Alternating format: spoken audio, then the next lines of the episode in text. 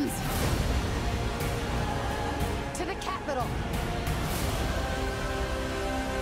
Turn your weapons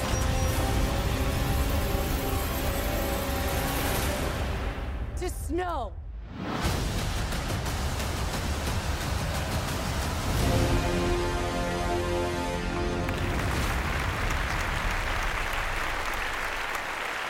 Hallå internet och hjärtligt välkomna till Magnus och Peppes podcast, eller som den kallas för den här veckan, Jetlag-podcasten.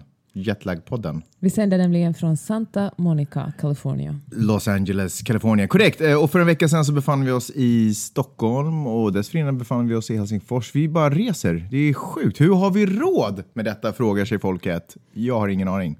Speciellt när vi gör den här gratis, den här podcasten. dessutom. Helt crazy. Och då är det ändå här huvudinkomsten av våra intäkter kommer ifrån.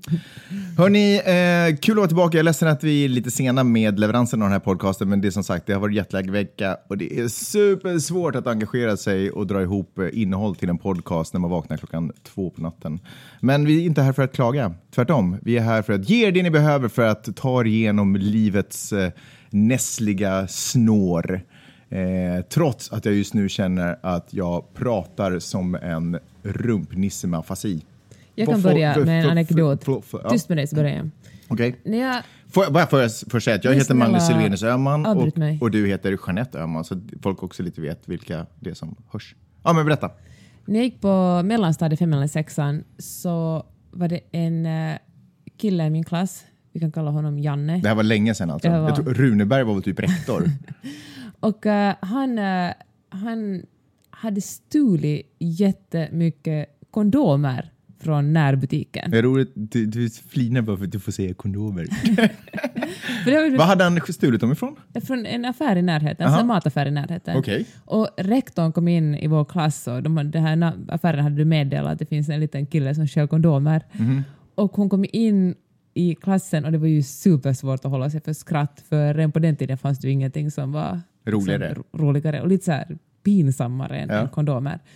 Och gud vet varför Janne hade stulit de här kondomerna för jag tror inte att han hade ett aktivt sexliv. Det var väl bara för att det var spännande. Ja. Jag kommer ihåg att jag satt och fnissade jättemycket. Men jag vet inte varför jag kom att tänka på den här historien häromdagen, men det slog mig att kondomerna hette Okej då. Hette de okej då? Eller hette de okej på den tiden? Nej, de hette Okej då. Okej då. Hade, hade ni sådana i Sverige? Eh, vi hade en tidning som hette Okej, men jag vet inte om kondomerna hette Okej då, eller så var jag bara för eh, omogen för att... Jag kommer ihåg att under jättemånga år... av min Nam, ungdom- nam hade vi som, någonting som hette. Det var en smak. Ja. Banan och Hur jordgubb. vet du att de smakade? De gjorde reklam för det. Du är så jäkla promiskuös. Det är inget fel på att ha ett En aktivt sexintresse. I alla fall tillbaka till Okej då. Ett jag kommer- aktivt sexintresse. Ja. Till skillnad från, inte så aktivt sexliv, utan bara ett aktivt sexintresse. Det är väl ett sånt man har när man är Mm. 11-12. Det är ju inte snarare intresse framför liv. I Mm. En alla fall, får jag återgå till min anekdot. Ja, förlåt. Under många år så var det lite pinsamt att säga okej då om någon frågar någonting för att det kunde ju kopplas till kondomen och man ville ju inte tala om kondomer. Nej. Men vad fan är det för namn att döpa kondomer till okej då? Mm. Alltså det, först nu inser jag att det måste ju handla om att en kille som tjatar sig till det, sex... har du kondom? Okej då. Och så tar han fram den. Aha, nej, jag tänkte så här, den kille som tjatar sig till sex tills hans uh, tjej... Tills hon säger okej då. Och tills hon säger okej då. Och det Nej. stör, som feminist störde jag mig ju genast på det här för jag tänkte att vad fan det är så här typiskt stereotypt att männen ska tjata till sig sex som om kvinnor inte skulle vara intresserade av sex. Eller att det finns hör till könsrollen att, eh, att man ska säga nej jag vill inte för jag har ingen slampa så jag är ointresserad av sex. Nej, nej. Nå, okej Men jag då. vet inte om min eh, teori är bättre, för då handlar det om att det bästa man kan ha är oskyddad sex. Men Ah. har du kondom så okej då. Och så tar man fram sin lilla gummihatt. Ja, just det, för det är inte så skönt att ha sex med kondom. Nej, det är ju som alla vet som att äta en kyckling med skinnet på. Det är väl gott? Jo, i och för sig. I alla fall. Så Peta näsan med en boxningshandske. precis. Eller peta näsan och inte få äta snoret. I alla fall tycker jag att det var ett dåligt namn, jag undrar om de finns kvar. Om någon, om någon vet om det här får ni gärna höra av er till den här bloggen. Finns okej då kvar, köp i alla fall inte sådana, det är, det ett idiotiskt namn. Ja, nej, men nu tror jag att de heter Näcken och Mamba och, Nej, det hette de väl Och- också på 80 och 90-talet. och Camel och...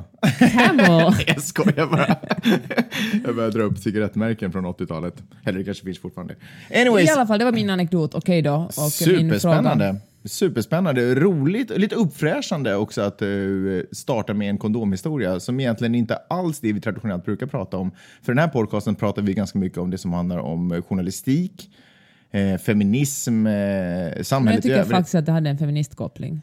Ja, okej, okej, okej, okej. Så det var därifrån du tog Mm. det. Är det så att all, allting du tänker på alltid på något sätt har en feministkoppling? Så är det Magnus, Är om du man en en gång har satt på sig feministglasögonen så är det omöjligt att ta av dem. Det är säkert som med rasistglasögon också, då kommer man liksom inte förbi sig Nej. rasismen Men känner du inte ibland att det samhället. gör dig till en lite oavslappnad människa?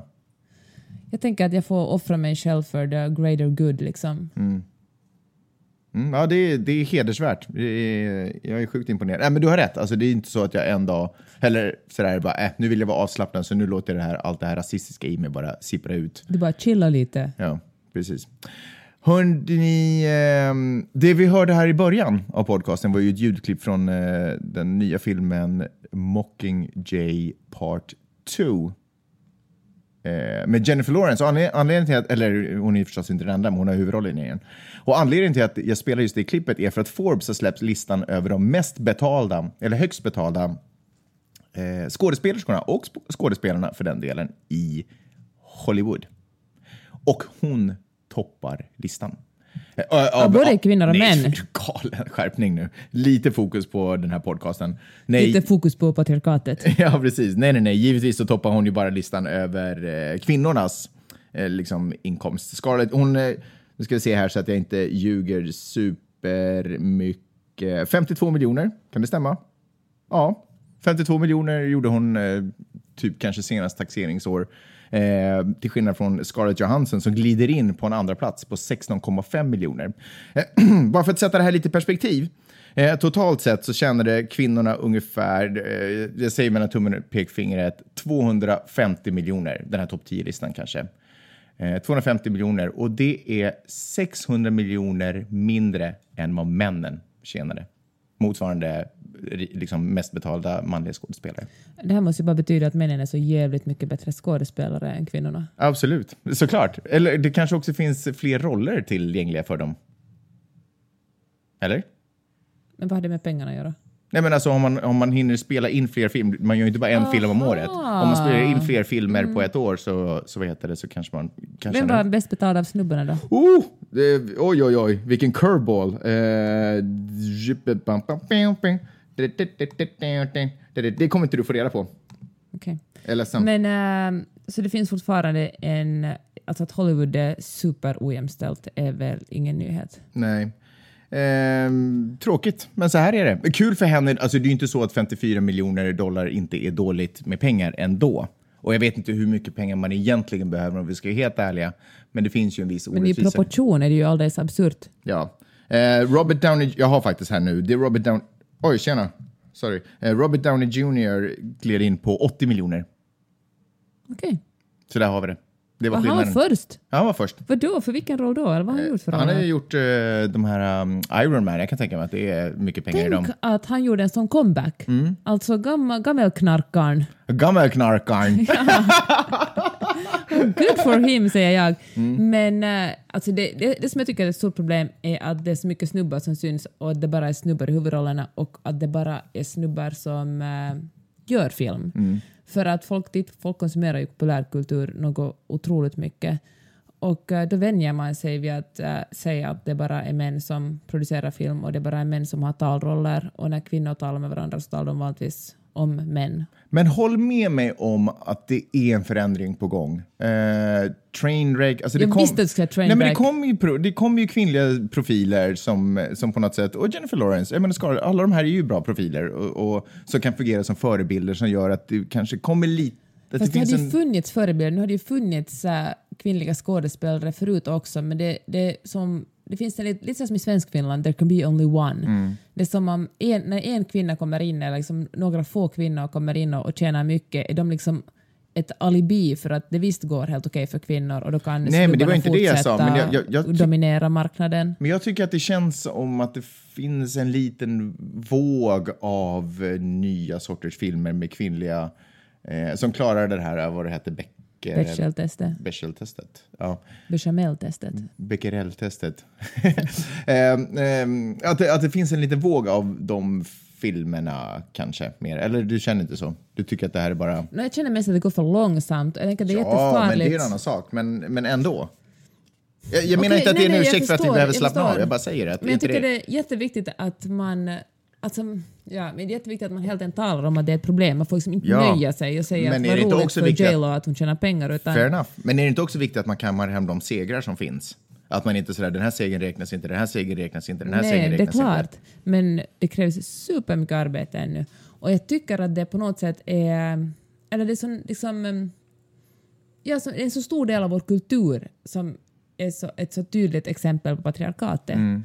Och eh, det är liksom det, när man snackar om börsstyrelser och oja så är det ju liksom ett problem såklart, det inte finns kvinnor där men det är ganska få människor som har kontakt med, med börsstyrelser. Och nu menar jag inte att, att det finns jättemycket människor engagerade i Hollywoodfilmer, åtminstone inte från våra hemtrakter, men att det är någonting som vi stöter på varje dag. Dagligen konfronteras vi med att bara kolla på snubbar som pratar med varandra. Eller väldigt stereotypa bilder av eh, hur män ska vara och hur kvinnor ska vara. Mm, det är sant. Typ när ehm, Men samtidigt så är det ju svårt. Alltså jag, kan, jag kan ju se liksom att det det strukturella problemet och det borde på något sätt ändras. Men det är ju inte så att det sitter en maffia och kontrollerar det här, utan det är ju individer som är rädda om sina egna jobb som måste fatta beslut hela tiden. Fattar de fel beslut, speciellt i den här Hollywoodbranschen, så får de sparken och så får de inte fatta några beslut mer. Eh, Och de, vill natur- de har ju naturligtvis ett intresse av att hålla kvar sina jobb och på något sätt ta hand om sina familjer. Och då är det ju lättare förstås att välja den vägen som alltid har funkat. Så det är ju det är oerhört en svårt. förklaring liksom. men ingen ursäkt. Nej, men fast vad, vad är liksom... Men titta på Jude Apatow som har jobbat ganska Vem? mycket, han som producerar uh, Trainwreck. Mm. Han jobbar ju jättehårt för att eh, också kvinnor ska få synlighet. Jag gjorde någon kommentar, igår kommenterade han och sa att det är liksom en, en skam att det finns så få kvinnliga regissörer. Och han är ju så otroligt hyllad. Han hör till liksom de hetaste regissörerna och producenterna just nu i Hollywood. Jag tror att jag, tror, alltså jag, tror att, jag, jag förstår att, att det är du som bestämmer om det här Magnus, vem som ska synas och inte synas, men jag tror inte att det är så farligt att eh, få in kvinnor. Jag tror inte man förlorar så mycket pengar på att få in kvinnor i, i Hollywood. Ja, uppenbarligen så säljer ju filmer där Spindelmannen är i huvudrollen, och, eller uppenbarligen Iron Man i huvudrollen, en, eh, en, ehm, ja, någon där, en trainwreck. Ja, men kanske de har fått supermycket mer marknadsföring också. Ja, kanske. Och Trainwreck har väl gått, okej Ja, fine, han kanske inte gått till Jag menar, Iron det är Man, svårt. men- Liksom. ja. Det, det är svårt för att det, eftersom struktur, alltså, strukturerna gör ju att man, an- man tvingas ju spela lite med om man ska överleva också. Det är ju också ett hunger game det här. Det är ju inte bara ett, ett strategiskt spel där, vi, där man försöker undanhålla kvinnor från glory och fame. Jag menar, om det fanns ett recept som sa eh, sätt en kvinna i huvudrollen och ni kommer alla bli miljonärer så är det ju ingen i Hollywood som skulle säga nej till det. Men det ska bli spännande att se hur det blir för den nya Ghostbusters-filmen med enbart kvinnor i huvudrollerna. Mm. Folk blir ju dessutom så rasande, alltså när folk har varit superarga på att det är kvinnor i huvudrollerna på en sån här För att det var manliga kill, för att det var, för att det var killar i huvudrollen på den förra filmen. Men samma sak i Mad Max-filmen där uh, Charlize Theron, som ju är din favoritskådespelare. Har du sett den förresten? Mm. Nej, jag har faktiskt Hur inte sett du inte sett den? Det är din Eh, vi har inte varit på bio på länge. på några år. Mm. Men eh, där, fann, där samlades det liksom grupper av män som ville bojkotta den här filmen för de tyckte att det var så fruktansvärt att eh, en kvinna kunde spela huvudrollen i en Mad Max-film eller ha så mycket makt i en Mad Max-film. Men jag tror att de här filmerna är ju liksom, det är fortsättningar på kultfilmer och jag tror att därför det ser extra känsligt. Jag tror att om Mad Max aldrig hade funnits och det här var en ny film, det var ingen som eh, marscherade på gatorna när Ion Flux kom ut som film, även fast den är baserad på en, en eh, serie. Men där det liksom ändå nog var en kvinnlig protagonist. Men vad är det så stor skillnad då?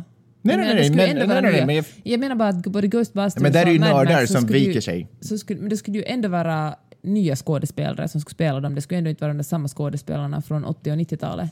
Jo, jag vet, men jag Eller tror att, jag 70-talet tror och att där är, du har tagit upp två exempel som är superhård nördfaktor på. Och därför så blir det, jag menar folk flippade ju när Mannerheim skulle vara svart på en teaterscen också eller vad det var. Att du vet, det är liksom, det blir, när, när det är så mycket tradition och kultur inblandat så blir folk galna när det inte är som det alltid har varit. Folk borde skärpa sig. Folk borde faktiskt ta och kamma sig. Anyway, grattis till Jennifer Lawrence. För Ja. alla hennes, hon, är, du vet, hon, är, hon är inte ens 30. 25, hon har mer pengar än hon har år på eh, Herregud. sitt ID-kort. I miljoner. det, är ju sinnessjukt. Det är så sjukt mycket pengar som finns här i den här stan. Mm. Det är så så absurt mycket pengar. Ja. Det finns... eh, Jag är förvånad över att man inte snubblar över en resväska med en miljon i oftare. För jag, menar, jag vet ju ofta till exempel jag tappar nycklar eller du vet, man tappar en peng i fickan. Om folk som har så där otroligt mycket pengar tappade motsvarande, alltså jag kanske tappar 20 dollar. Om de tappade motsvarande så skulle det vara typ en resväska full med cash. Varför hittar man inte sånt? Varför? Det finns en, en eh, kompis till oss som hade barn på Vidars skola här på Roosevelt sa att eh, Hade, har det hänt någonting? eh, jag tror att de har flyttat tillbaka till Finland nu. Aha, okej. De sa att eh, det är alltså en public school så det är gratis för barnen att gå där. Mm, förutom Gratis att jag idag, när jag var på, det, kan bara tillägga att det var Vidars första i skolan, eller du sa det kanske, och därför var jag tvungen att gå på PTA-möte som jag inte har någon aning om vad det står för. Vad står PTA? Parent Teacher. Association. Typ. Eh, och det första jag ombads när jag var på mötet för, efter att jag fått ta mitt kaffe var att donera först 400 till en organisation eh, som då är någon form av sådär föräldraorganisation och sen 700 till en annan organisation. ja. alltså, reko- Gjorde väl inte Magnus? rekommendera att, man får naturligtvis se efter sin egen plånbok, så jag viftade med en fjäril som jag hade pressat där. eh, men rekommenderade var liksom 700 till den ena och 400 till den andra. No, tydligen vår kompis att det publiceras, eh, det publiceras en lista på vem som har, har, Har donerat. En sån här shame-lista liksom. För de som inte har donerat. Nej men det finns en lista och då tror jag den sista kategorin är den som, den som har donerat mellan noll och typ Noll. tusen Ja. dollar. Och är Jag kommer, alltså, vi kommer vara på den här, uh, har donerat vi ligger mellan 0 och minus 200 för vi typ stjäl pennor. vi tar typ kritor och papper därifrån. Men jag undrar om det kommer bli så att, att de föräldrarna som donerar liksom 50 000 inte vill ha någonting att göra Mm. Men med ingen oss donerar ju fattiglappar. 50 000. Tror Ska vi se? Ska vi se? Ska vi se? Ska vi se? Eh, Alltså, tror- företag donerar ju också. Eh, Det är en väldigt stark community här i Santa Monica så folk vill gärna ha en bra public Alltså jag hoppas att folk eh, donerar jättemycket pengar så vidare får en bra utbildning. Absolut. Snutt. Vi är bara freeriders. Ja, det om det. Hörru, vad ska du prata om? Eller vad vill du prata om? Jag ska tala om hudfärgade plåster. Hudfärgade plåster. För att det var en, en eh, bloggare som blev intervjuad i Sveriges Radio för någon vecka sedan. Och eh, då talade hon om vithetsnormen. Och eh, hon är från Colombia och hon sa att hon, hon talade bland annat om hur, när man talar om hudfärgat så talar man egentligen om hudfärgen på vita människor. Och man bortser alldeles från att hudfärgat kan betyda jättemånga olika saker. Och så radade hon upp ett gäng exempel på, hon, som dessutom sa så här att det här är liksom bagateller när man ta, plockar fram de här exemplen en och en, men tillsammans blir det en väldigt tydlig bild av hur stark den här vithetsnormen är. Och så sa hon att till exempel plåster som heter hudfärgade plåster är ett exempel på vithetsnormen. Ja. Nå, så var det någon sån här rasisttidning i, i Sverige som typ eh, Nya Tider eller Fria Tider eller något sånt här som tog upp det här och skrev, gjorde en, en rewrite på den här radiointervjun och skrev i stil med att nu är man rasist också om man använder plåster. Och uh, Sverigedemokraterna fick säkert genast tusen nya medlemmar. Men det, man kan väl inte vänta sig mer än så här från rasist och högerextremistiska tidningar. Men i Finland plockar också flera stora, till exempel MTV3 som är, som är en eh, uh, tv-kanal, en etablerad tv-kanal, plockar upp det här. Plus en massa andra, Iltalehti och Ilta-Sanomat, alltså kvällstidningar, plockar upp den här nyheten. Och utan att granska vad det egentligen handlar om skrev de bara att i Sverige är man nu för tiden rasist om man använder hudfärgade plåster. Och jag skrattar lite. Nu Ja. de tokiga, de där, inte ens tokiga utan så patetiskt Men nu får av vi de inte från den här överkänsliga svenskarna.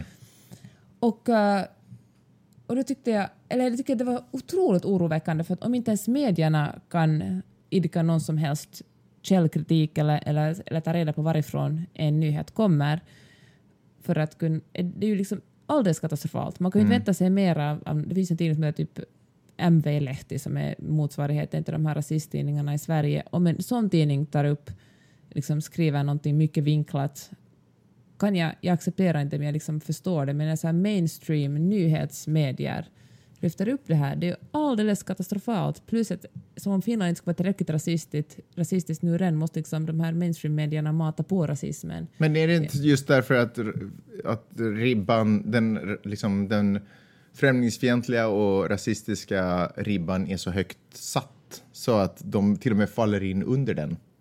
Jag tror det. Du menar att journalisterna själva Ja, också är precis. lätt rasistiska? Ja. Kanske det, men jag tror också att, att folk är så otroligt kåta på klick. Liksom. Det går Mm. så dåligt för tidningarna och man vet att en sån här jotto, man, man ser den som kontroversiell innan stationstecken. Man förstår liksom inte vilken skada man själv gör och vet att det här kommer att generera mycket klick och kommentarer för rasism gör alltid det. Och eh, ja, och då tror man att man gör någonting gott för den här tidningen för då blir annonsörerna glada för att det är jättemånga Jag upplever, också, jag upplever också ganska starkt att finsk media har problem, alltså de tycker att det är svårt att hantera de här frågorna. Kanske för att eh, journalisterna som individer har svårt att hantera det själva, liksom eh, var de egentligen står och hur de kan uttrycka det. Även fast de kanske har goda intentioner så är, så är de så ovana vid de här formerna av diskussioner så de har bara svårt att på något sätt hitta sin plats i det här. Eh, och istället för att arbeta på det och kanske hitta ett sätt att hantera det så gör man det man ofta gör tycker jag i Finland, nämligen att man pekar på hur larviga svenskarna är som håller på kä- man, man slutar, man orkar inte tänka på det här. Så, och som försvar för det så pekar man på svenskarna och säger åh kolla vad töntiga ni är som gör så här, som sätter sig ner och oh, ska diskutera det här så att alla Det är är ett nöjda. lillebrorskomplex kanske också. Jag vet inte ens om det är ett lillebrorskomplex. Jag tror bara att det är ett, en försvarsmekanism man har. Att istället för att ta liksom, ansvar för hur man vill att saker och ting ska utformas liksom, hur, så, så, skit, så orkar man inte göra det. Man säger nej, jag skiter i det här, slänger väskan på golvet och så sitter man och pekar på dem där borta och vad töntiga de är som försöker vara så himla öppna och kolla hur dåligt det går där. Titta nu, ja, nu har de varit öppna och så har de ett ställe som Rosengård. Och du vet, så slänger man ut sig saker som, som man läser i ungefär Men rubriker i svenska kan det tidningar. också handla om någon slags skam för att man inte riktigt förstår problemet, att man inte riktigt vet hur man ska handskas med det, att man är rädd för att säga fel.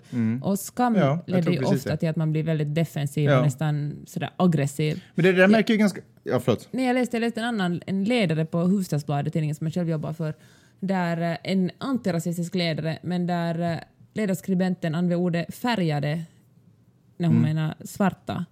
Och det kändes också väldigt gammaldags. Jag tycker inte att färgade är ett ord man ska använda. Ja, det kanske har utvecklats ifrån det. Och då tänker jag, tänk att det är så svårt, och det sätter ju också tidningarna väldigt mycket ribban för vilket språk man använder och hur man pratar om, om då invandring och rasism. Och jag känner att, att om, om eh, fan, journalister borde vara de mest pålästa, ha liksom verkligen fingret på pulsen hela tiden. Och det, ja, för de sätter ofta tonen i diskussionerna. Och om man inte vet hur man ska göra det så kanske bara ta lite tid att ta reda på det. Liksom, jag vet inte varför det är så... Ja, det är som man liksom ger upp. Men jag märker, alltså det där, jag tror inte att det här är ett finskt drag, jag tror att det här förekommer överallt. Men jag märkte det ganska tydligt. Jag vet ju att väldigt många finskspråkiga finländare nog talar svenska och sådär. Men, men ingen tycker om, jag tror att finländare upplever sig pressade. Liksom. För ingen tycker om heller att när man stormar in eh, på en kiosk typ och ska köpa en tidning och bara forcerar sin svenska. För då känner de sig otroligt pressade och då möts man snarare av, av lite sådär aggressivitet och att hej, här pratar vi finska eller du vet, svara lite hårdare på finska eller någonting annat. Eh, Det har ju kanske inte hänt mig så mycket för att det är så uppenbart att jag inte pratar finska. Liksom. Men, eh, men, och jag tror att det är samma sak med den här rasistgrejen. Att, att, de, att det finns, jag tror att det finns en förståelse för att det här är ett problem. Det här är inte en bra sak nödvändigtvis att eh, Sannfinländarna har så här mycket stöd. Och att, och att ton, det känns inte modernt. Jag tror att de flesta finländare är med på det. Men men eh, man upplever sig inte få tid att hantera det här utan man blir pressad att helt plötsligt så står det svenskar du vet och pekar och säger så här Va? Hur kan ni göra det här fortfarande? Bam, bam. Och, och, och det här är ett nytt problem liksom. Och istället för att liksom, så att, liksom kräva tiden att bara okej, vi måste hitta ett sätt att hantera det här och hur gör vi det här? Så känner man sig pressad att liksom komma med de rätta svaren direkt och det är omöjligt om man inte har fått tid att fundera på det. Eh, kanske också och då vänder man istället sig till aggressivitet. Roligt att tala högre genast när jag ska säga någonting. Ja.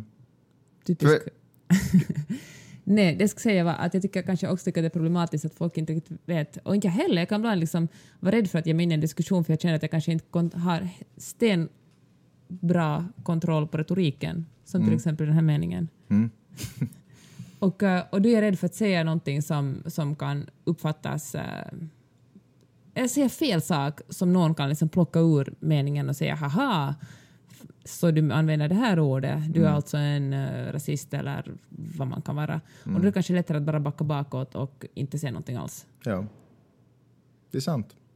Men man kan också bara slappna av och göra så gott man kan, lyssna på den feedbacken som kommer, se om det finns någonting man kan Och ändra. kanske Det är vara inte liksom- snäll om man är en sån typ som ger feedback också. Ja. Ja, det är väl sant. Det kan väl kanske du ta åt dig av. Du brukar vara ganska hård i Jag, är feedback. liksom för, jag får ofta ångest efteråt. Får du ångest av din hårdhet nej, efter? Ja, nej, ibland igår, igår hade vi en, en Twitter-diskussion Mm. och, eh, om inte alla män. Och sen på natten när jag vaknade i jetlag och jag tänkte på vad skrev jag egentligen? Var jag lite för hård? För du vet, man skriver kan det också tolkas lite hårdare än vad det Jag var, jag var verkligen inte elak. Men, Men du var eh, saklig. Ja. Men du är också sådär, du, du utstrålar att du är sjukt trött på den här diskussionen och du skulle vilja att alla bara skärpte sig och var på samma nivå. Det är ju... Det är väl inte för mycket begärt. Det är inte, de, de, de facto är det ju inte för mycket begärt, men när det inte är ett faktum heller. Mm. Att, det, att folk är på den nivån. Så jag vet inte. Men du, du har din retorik och jag har min retorik. Ja, det om det. Någonting annat vi vill prata om? Jag vill tala om en uh, kolumn som journalisten Jenny Norberg skrev i uh, Svenska Dagbladet. Jaha. Vet du, du har läst den? Hon skrev Mm. om var är feministerna, var är alla feminister när uh, Islamiska staten härjar omkring i världen och förtrycker kvinnor? Har du läst den? Nej, jag har inte läst den. Du vet att jag inte läser så mycket, Peppe. Mm, jag ville bara sätta dit dig. Mm. I alla fall så tycker jag att, den här, att Jenny Nordberg är en uh, utrikeskorrespondent, svensk men bosatt, bosatt i New York och jag har länge varit ett stort fan och jag är fortfarande fan. Jag tycker hon är så jävla bra. Skriver superbra saker och vågar vara kritisk och, uh, och uh, kritiskt, saklig, smart och liksom super, super bra i alla fall. Ibland brukar jag, har jag skrivit så här lite bra saker åt henne på Twitter för att jag tycker att hon är bra. I alla fall, men den här eh, krönikan höll jag inte alls med om. För hon skriver just här att var är alla feminister när IS härjar och, och eh, som om eh, det skulle vara en eh, Vad skrev hon alltså? var är alla feminister var, var är alla feminister när, när Islamiska staten våldtar, våldtar, systematiskt våldtar kvinnor Okej. och, och belönar varandra för, för att våldta kvinnor För en bra och våldtäkt. Ja, typ. Och eh, så, så nämnde hon visserligen att var är Gudrun Schyman, var är liksom vår feministiska utrikesminister och var är, var är på Moderaternas eh, webbsida står det inte ett ord om IS. Liksom. Vad är det här? Och jag, kan, jag kan förstå liksom att, att, eh, man, att hon kritiserar politiker eller politiska organisationer för att inte engagera sig. Men jag tycker att det blir ett så enormt... Eller man ger folk som kritiserar feminister ger man onödigt mycket argument alldeles i onödan. För att på- bara för att man är feminist har man väl inte automatiskt ansvar över allt ont som sker i världen. Man har också ansvar kanske för det, men man har liksom inte mer ansvar än någon annan. Bara för att det är kvinnor som våldtas är det inte som en kvinnosaksfråga utan det är någonting som angår oss alla lika mycket. Förstår du? Var är, alla, var är alla män eller var är alla liksom socialdemokrater eller var är alla... Det är sant, men män brukar ju ändå aldrig riktigt hoppa på de här tågen för de är fullt upp, eller vi är fullt upptagna med att försvara oss själva. Så då kan man väl förvänta sig att åtminstone de som är öppet feministiska Fast jag tycker att, det, att då gör man det till en, om man liksom bekräftar den här uppfattningen så då gör man det till en kvinnofråga. Då, då säger man sådär att det är självklart att bara kvinnor ska ha koll på kvinnofrågor, man gör plötsligt den klyftan ännu större. Jag tycker att det är ännu viktigare att verkligen förklara att det här, det här inkluderar alla. Allt våld är för mycket våld som angår oss alla. Och eh, för att jag känner att, att, säger man att, att det är bara de som redan nu engagerar sig i någonting som ska engagera sig ännu mer i en annan fråga, så på något sätt Men nu har väl politiska partier öppet kritiserat IS? De har gjort det, men Åsa Linderborg skrev en bra grej på Aftonbladet om det. Hon sa att det är ganska svårt att kritisera IS, för att, eller göra det på ett intellektuellt sätt eftersom alla självklart är emot Islamiska staten. Det, det liksom finns ingen Eller debatt där. ja. Det, är liksom, eh, vad ska man diskutera? Det är vidrigt, vi måste göra någonting. Vad ska vi göra? Det, så kan diskussionen gå. Men att skriva, liksom en, en, att skriva någonting eller föra en intellektuell diskussion tar liksom slut där, för det finns liksom ingen... Det är lite som att... Det är ingen som kommer att ställa sig på den sidan och säga att nej, nej, jag tycker att det är bra. Nej, det är som att föra en, en intelligent diskussion om Breivik eller något liknande. Ja, precis. Ja. Att man måste utgå från att alla tycker att det är vidrigt. Sen Ja. kan vi föra diskussionen vidare. Vad ska vi göra då? Kan enskilda människor göra någonting? Mm. Jag vet kanske inte, men eh, politiska partier kan ju absolut göra. Jag menar, Sverige satte ju foten ner i den här diskussionen med Saudiarabien till exempel. Mm. Kan man liksom, hur ska vi göra det här? Men, men eh, Det man kan göra i och för sig är att ha en öppnare inställning till de som försöker fly de där områdena för att de är rädda för Precis. sina liv. Eller har utsatts för fruktansvärda saker. Men då tycker jag igen att det angår oss alla. Det angår, angår inte liksom en, en... Det är liksom inte mer feministernas... Du tycker inte att det är en eh, feministisk diskussion liksom? Nej, eller jag tycker inte att det ansvaret ligger enbart på feministerna. Såklart att feminister också ska kunna ska engagera sig. Men det är också svårt att tala om feministerna. Vadå feministerna? Vet du? Det är ingen, organ, det är ingen liksom politisk grupp som heter feministerna. Feministerna är alla, som, alla är feminister som tycker att eh, mäns, män och kvinnor ska ha samma rättigheter och skyldigheter. Jag menar, på så vis...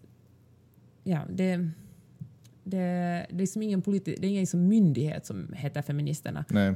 Utan eh, det vi alla, du är feminist, jag är feminist. Vi tycker tillsammans att Islamiska staten är vidriga och Mm.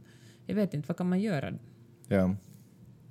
Så du tyckte att hon var onödigt hård? Eller liksom hon, jag tycker att, att hon gjorde att kanske... hon sköt på fel? hon gjorde kanske, för feminismen får så mycket kritik redan nu och jag tycker kanske att hon sköt, liksom gjorde feminismen en björntjänst genom att, genom att eh, plocka fram på något sätt just feminister och, och kvinnor inom politiken som är speciellt ansvariga för att göra någonting för, mot Islamiska staten. För, och då tänker jag att hon kanske skulle kunna skriva det på ett lite annorlunda sätt. Men jag tycker fortfarande att hon är superbra och att hon är verkligen en av de personerna som gör någonting eftersom hennes texter är så väl eh, lästa och välskrivna. Hon har kommit ut med en bok som handlar om hur kvinnor i Afga- eller små flickor i Afghanistan klär ut sig till pojkar för att kunna delta i vardagligt liv och få en utbildning och liksom som eh, skrev, kom ut på engelska och svenska och säkert en massa andra språk också. Superbra kvinna.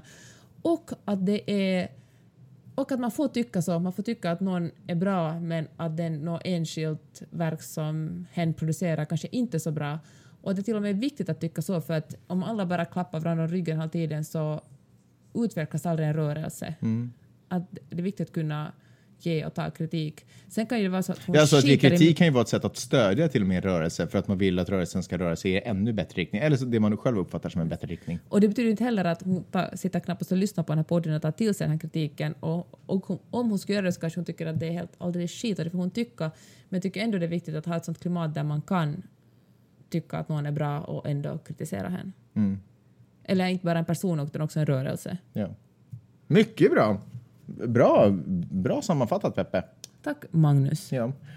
Hör du... ehm, ja, Var det var, allt? Det var inte allt. Okej. Nej, men Jag, jag, tycker att vi ursäktade den här jetlag-veckan och så tar vi in med nya krafter sen nästa vecka. Okej. Och dessutom så måste jag gå och hämta vidare. Okej då. Jag måste gå och hämta vidare om ett par timmar. Jag vill förbereda mig mentalt på det först. Tror du han kommer att gråta? Han kommer inte att gråta. Hörni, jag hoppas inte ni som har lyssnat heller har gråtit. Eh, det blev ett lite kortare träningspass för er den här veckan. Eh, men håll till godo med det. Ni har jobbat så hårt de andra veckorna så jag tycker att ni förtjänar det. Eh, är det så att ni tyckte om, tycker om det vi gör? Oss personligen. oss personligen, inte så mycket det vi gör och det vi står för, utan bara oss personligen, utseendet, vårt utseende.